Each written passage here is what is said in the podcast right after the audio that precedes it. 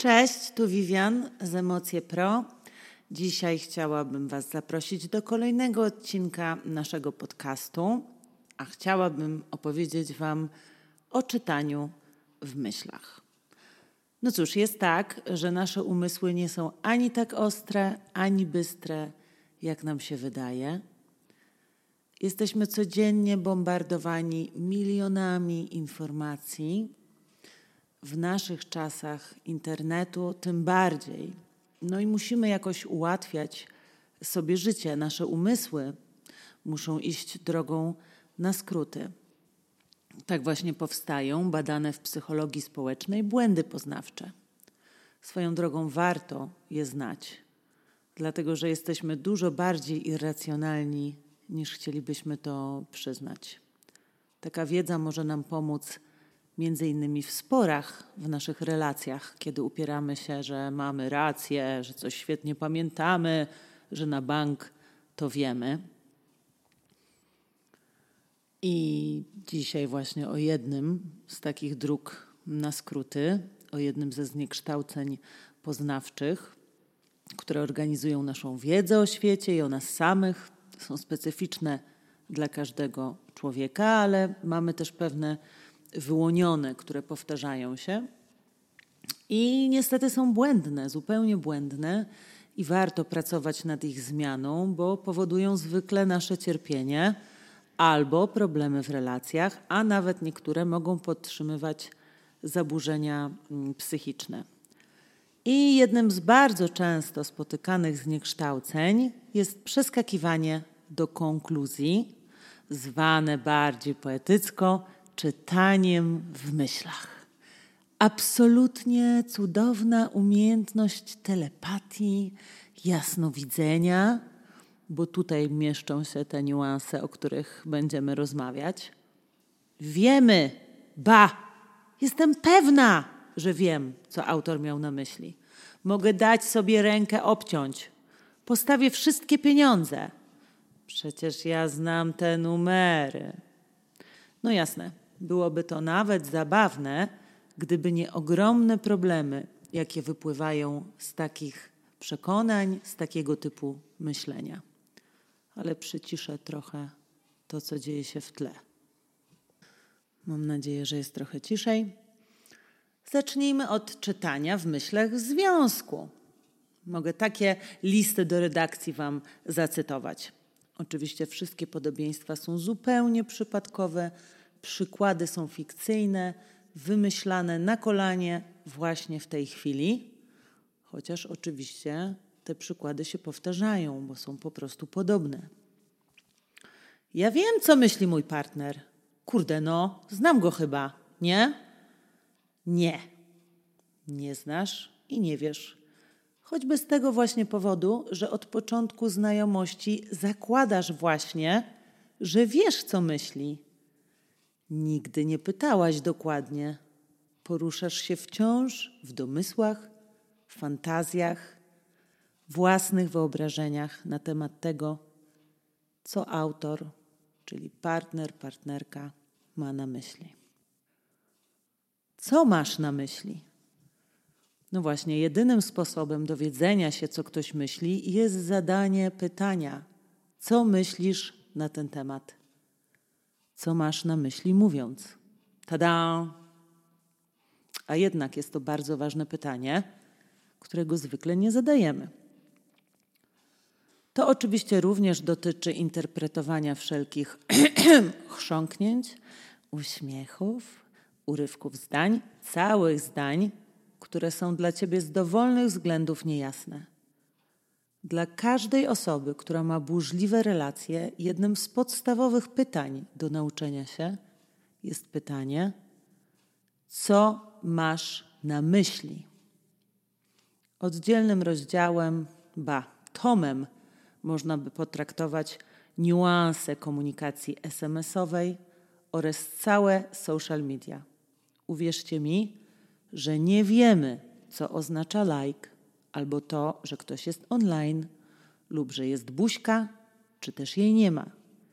Nie wiadomo również, dlaczego akurat o 8.50 ktoś wstawił takie właśnie zdjęcie, czy Instastory z dziwnym tłem. Nie, proszę, nie róbcie sobie tego. Postarajcie się przyjąć na wiarę, że czytanie w myślach jest zniekształceniem myślenia. Nie istnieje taka umiejętność. Oczywiście ja rozumiem, że ktoś przerażony tym, że partner może mnie zdradza, albo nie wiem tak naprawdę, czy mu na mnie zależy, czy nie. To wszystko jest podszyte zwykle lękiem. No i właśnie wtedy siedzę na tym Facebooku i patrzę, co on zapostował i dlaczego, i próbuję sobie to wymyślić, tak? Próbuję zwiększyć swoje poczucie bezpieczeństwa, chociaż często też interpretujemy takie rzeczy negatywnie. Więc wracam. Czytanie w myślach, domyślanie się intencji na podstawie własnych myśli jest naprawdę totalnie niemożliwe. Generalizowanie. Wiem, jacy są faceci, wszyscy tacy sami przecież. No tutaj ponad czytanie w myślach dokładamy jeszcze drugie zniekształcenie nadmiernej generalizacji. Odwróćmy więc to, ten tekst, to stwierdzenie. Wiem, jakie są matki, wszystkie takie same. Wiem, jakie są kobiety, wszystkie takie same. I tak dalej. Jeśli naprawdę wrzucasz mężczyznę do szufladki, wszyscy tacy sami, no to nie poznasz go wcale. Każde jego zachowanie będziesz interpretować zgodnie ze schematem wszyscy są tacy sami. Na przykład spojrzy na wystawę, a ty pomyślisz, co za dupek ogląda się za tą blondynką. Widziałam. Gdy tymczasem on może zobaczył tam prezent dla ciebie. Kiedy jeszcze do tego masz intensywne emocje, o awanturę nie trudno. A więc naprawdę nie możesz sobie pozwolić na trzymanie swoich zniekształceń poznawczych. Powinien się domyślić. Powinna sama to wiedzieć. Powinien to zrobić sam z siebie. No właśnie, Kolejnym problemem jest wyrażanie potrzeb. Mężczyźni i kobiety pragną, by partnerzy sami z siebie wiedzieli, co mają robić w związku, by spełnić oczekiwania drugiej połowy. To niestety nie jest możliwe. Spotkanie dwojga ludzi jest jak spotkanie dwóch planet. Nie jest możliwe, by druga osoba wiedziała, czego pragniesz. Musisz to wyraźnie powiedzieć. Kolejnym powodem, by mówić o swoich pragnieniach, jest poznawanie siebie. Kiedy próbujemy czytać w myślach, pragnieniach drugiej osoby, nie jesteśmy z drugim człowiekiem z krwi i kości, tylko z własną fantazją na temat tej drugiej osoby. Może dochodzić i dochodzi do absurdów typu Mężczyzna kupuje prezent, który się kobiecie nie podoba, ona udaje, że jej się podoba, on zaczyna wierzyć, że ona naprawdę uwielbia albumy o malarstwie współczesnym. Zabiera ją do różnych galerii, wyjeżdżają w miejsca, gdzie są takie galerie. W efekcie męczą się obydwoje. Ona z kolei wymyśla, że on na pewno lubi, jak jest bardzo czysto w domu więc dwoi się i troi, zacharowuje, gdzie tymczasem on wolałby posiedzieć z nią na kanapie i pogapić się w serial. Ale nie powie tego, bo nie chce jej urazić, bo z kolei on myśli, że ona lubi sprzątać. To były takie drobne przykłady, ale może to dotyczyć każdego aspektu życia: czasu wolnego, wartości, seksu, pieniędzy, wychowywania dzieci Wiele kłótni i wiele konfliktów może wynikać właśnie z czytania w myślach. Proszenie. Pozwól sobie dać prezent z miłości. Następną ważną kwestią jest proszenie. Często ludzie twierdzą, że jeśli on czy ona nie zrobią czegoś sami z siebie, to ma to mniejszą wartość. No, nie zgodzę się z tym. Uważam, że jest wręcz przeciwnie. Wyobraźmy sobie klasyczny przypadek. Osoba o przywiązaniu unikającym i lękowym. Ta druga uwielbia się długo i namiętnie całować, pierwsza niespecjalnie. Idąc dalej w klasykę, Osoba lękowa będzie chciała, by unikająca się domyśliła. Będzie więc krążyć wokół tematu, albo znienacka będzie próbować się całować. Frustracja będzie narastać. W końcu nie wytrzyma. Wybuchnie, albo zdystansuje się i w końcu odejdzie. Nikt tutaj nie będzie szczęśliwy. Często taka osoba mówi, że nie chce prosić o pocałunki, bo skoro ta druga osoba ma się zmuszać, to żadna frajda. Jednak ja widzę to inaczej. Ta druga osoba, jeśli się zgodzi pracować nad pocałunkami, zrobi to z miłości. Jest to jej podarunek dla ciebie. Najwyraźniej pocałunki czy cokolwiek innego są dla niej czymś trudnym. Mimo to, ponieważ cię kocha, ponieważ jej zależy, chce to zmienić. Jest duża szansa, że z czasem przestanie to być dla niej trudne, a potem zacznie być fajne. Pozwól ludziom spełniać Twoje prośby. Pozwól im poczuć przyjemność dawania. Kiedy chcesz, by się domyślali, a oni nie są w stanie tego zrobić, bo nikt nie czyta w myślach, żądasz niemożliwego. Nie dajesz im możliwości dawania, spełniania Twoich próśb. Za to narażasz na reprymendy, że znowu czegoś nie zrobili. Swoją drogą zastanów się, czy tobie się nigdy coś takiego nie zdarzyło? Że ktoś był zły albo rozczarowany tobą, bo nie domyśliłeś się czegoś, co masz zrobić? Jak się wtedy czułeś? Nieśmieszne tyrady czytającego w myślach. Znalazłam w internecie taki żart. Niestety wiem z doświadczenia, mm, że takie dialogi naprawdę się przytrafiają. I to zarówno kobietom, jak i mężczyznom. Kochany, tylko nie zasypiaj, dobrze? Nie lubię, jak po seksie od razu zasypiają. W porządku. A dziś mija cztery i pół miesiąca, jak jesteśmy razem. Super, na dniach trzeba będzie się wybrać gdzieś świętować. A zdarzyła ci się już taka miłość? I tak szybko? Nie, nie przypominam sobie. Aha, znaczy się zdarzyła. A u mnie nie. Pierwsza taka prawdziwa. Słuchaj, a ta twoja poprzednia, Gośka, to od razu cię pokochała? Po dwóch dniach powiedziała, że mnie kocha. Kłamała. Na sto procent. Czemu? Ty od pierwszego dnia mówiłaś o miłości. Czy ty naprawdę nie widzisz różnicy? U mnie to uczucie, a ona cię tylko makaron na uszy nawijała. E, masz rację. Znaczy, nie wierzysz mi? Wierzę. No jasne, wiedziałam. Jej uwierzyłeś, a mi nie. I cycki ma fajniejsze niż ja. I uniwerek skończyła. Politechnikę. Jak możesz? Pamiętasz, jaką szkołę skończyła? Nadal ją kochasz.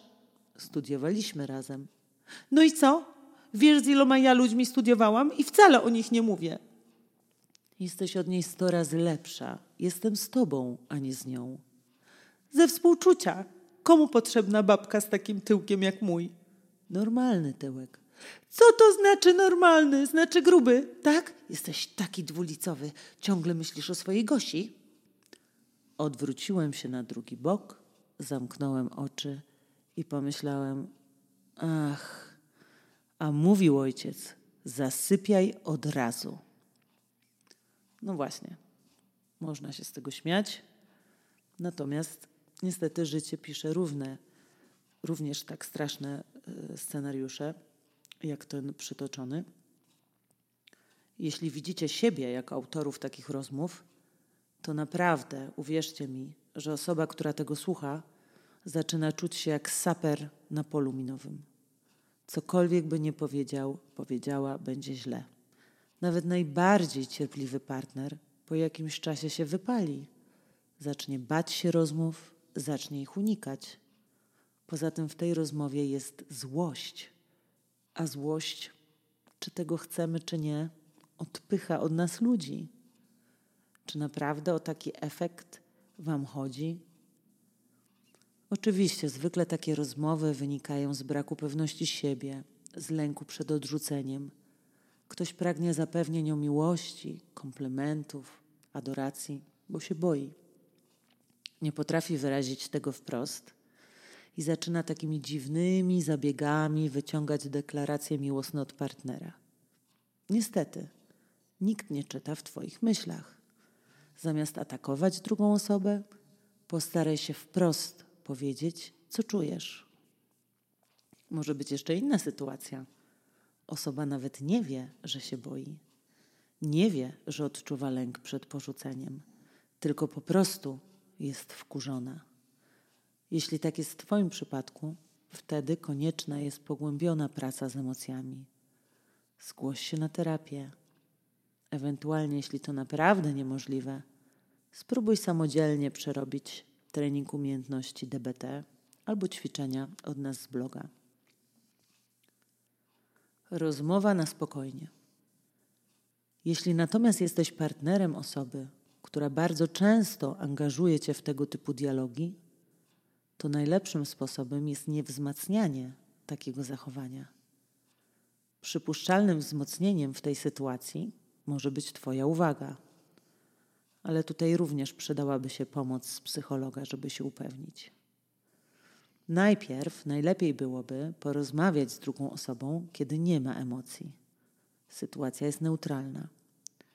Powiedz, co czujesz, kiedy druga osoba mówi takie rzeczy do ciebie, że od tej pory nie chcesz brać udziału w takich rozmowach, że Twoim zdaniem Wasz związek będzie wtedy lepszy, że następnym razem, kiedy on, ona się zapętli, Ty się z tej rozmowy usuniesz.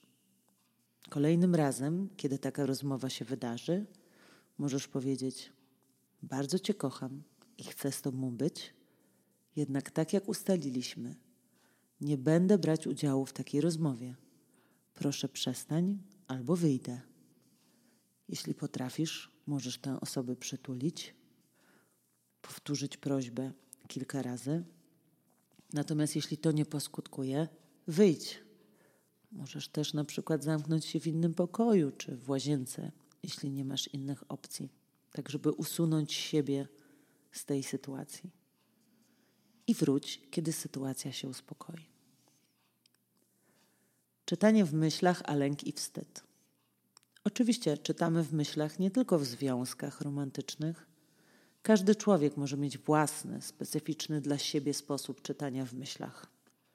Osoba, która często cierpi z powodu lęku czy wstydu, będzie przekonana, że inni myślą o niej źle, że jest beznadziejna, że źle wypadła na spotkaniu czy rozmowie o pracę.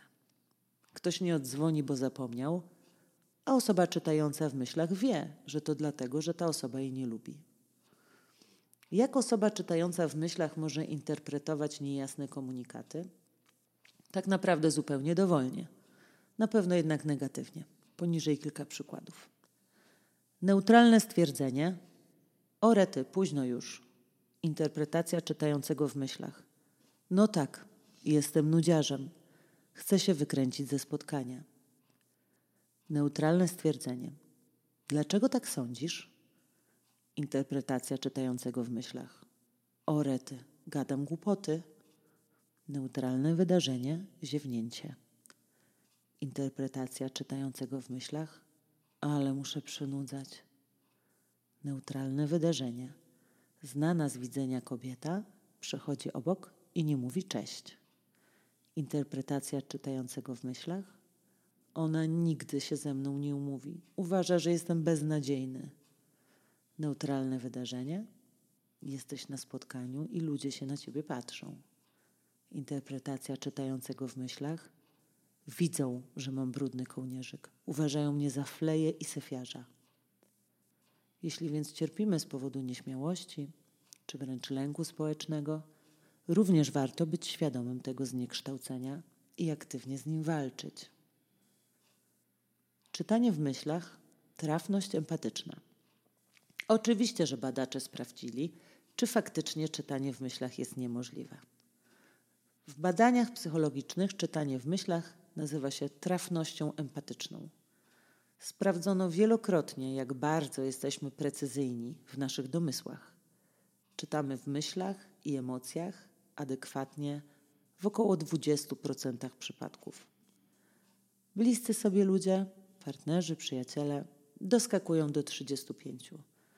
Nie jest to więc powalający wynik. Z kolei pacjenci z borderline są znani z tego, że sprawniej zauważają emocje innych. Niestety błędnie interpretują te emocje, przypisując powody tych negatywnych emocji sobie zawsze. Czyli ktoś jest smutny, bo boli go palec, ale osoba z borderline owszem zauważy ten smutek, ale stwierdzi, no tak, ja coś zrobiłam źle, dlatego ta osoba jest smutna. Jeszcze inne badania pokazują, że osoby z borderline mogą twarze z neutralnymi wyrazami, z neutralnymi emocjami interpretować jako negatywne i znowu uważać, że jest to spowodowane ich zachowaniem.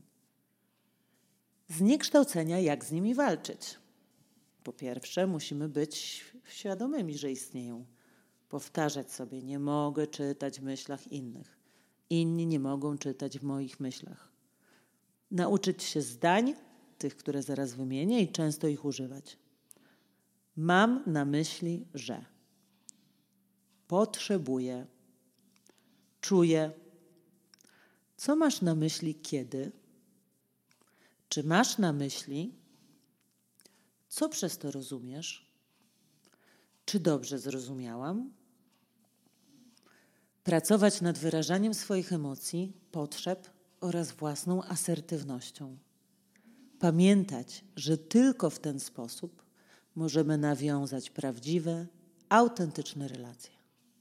Kiedy pojawiają się nasze negatywne myśli w stylu oni mnie nie lubią, zobaczyć, czy to jest fakt, no czy właśnie nasze przekonanie.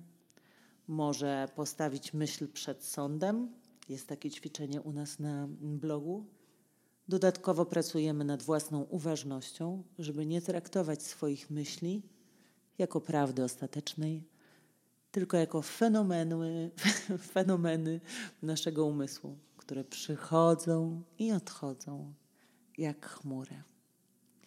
Dziękuję Wam za uwagę. W tle chrapanie mojego psa i zegar. Do usłyszenia niebawem.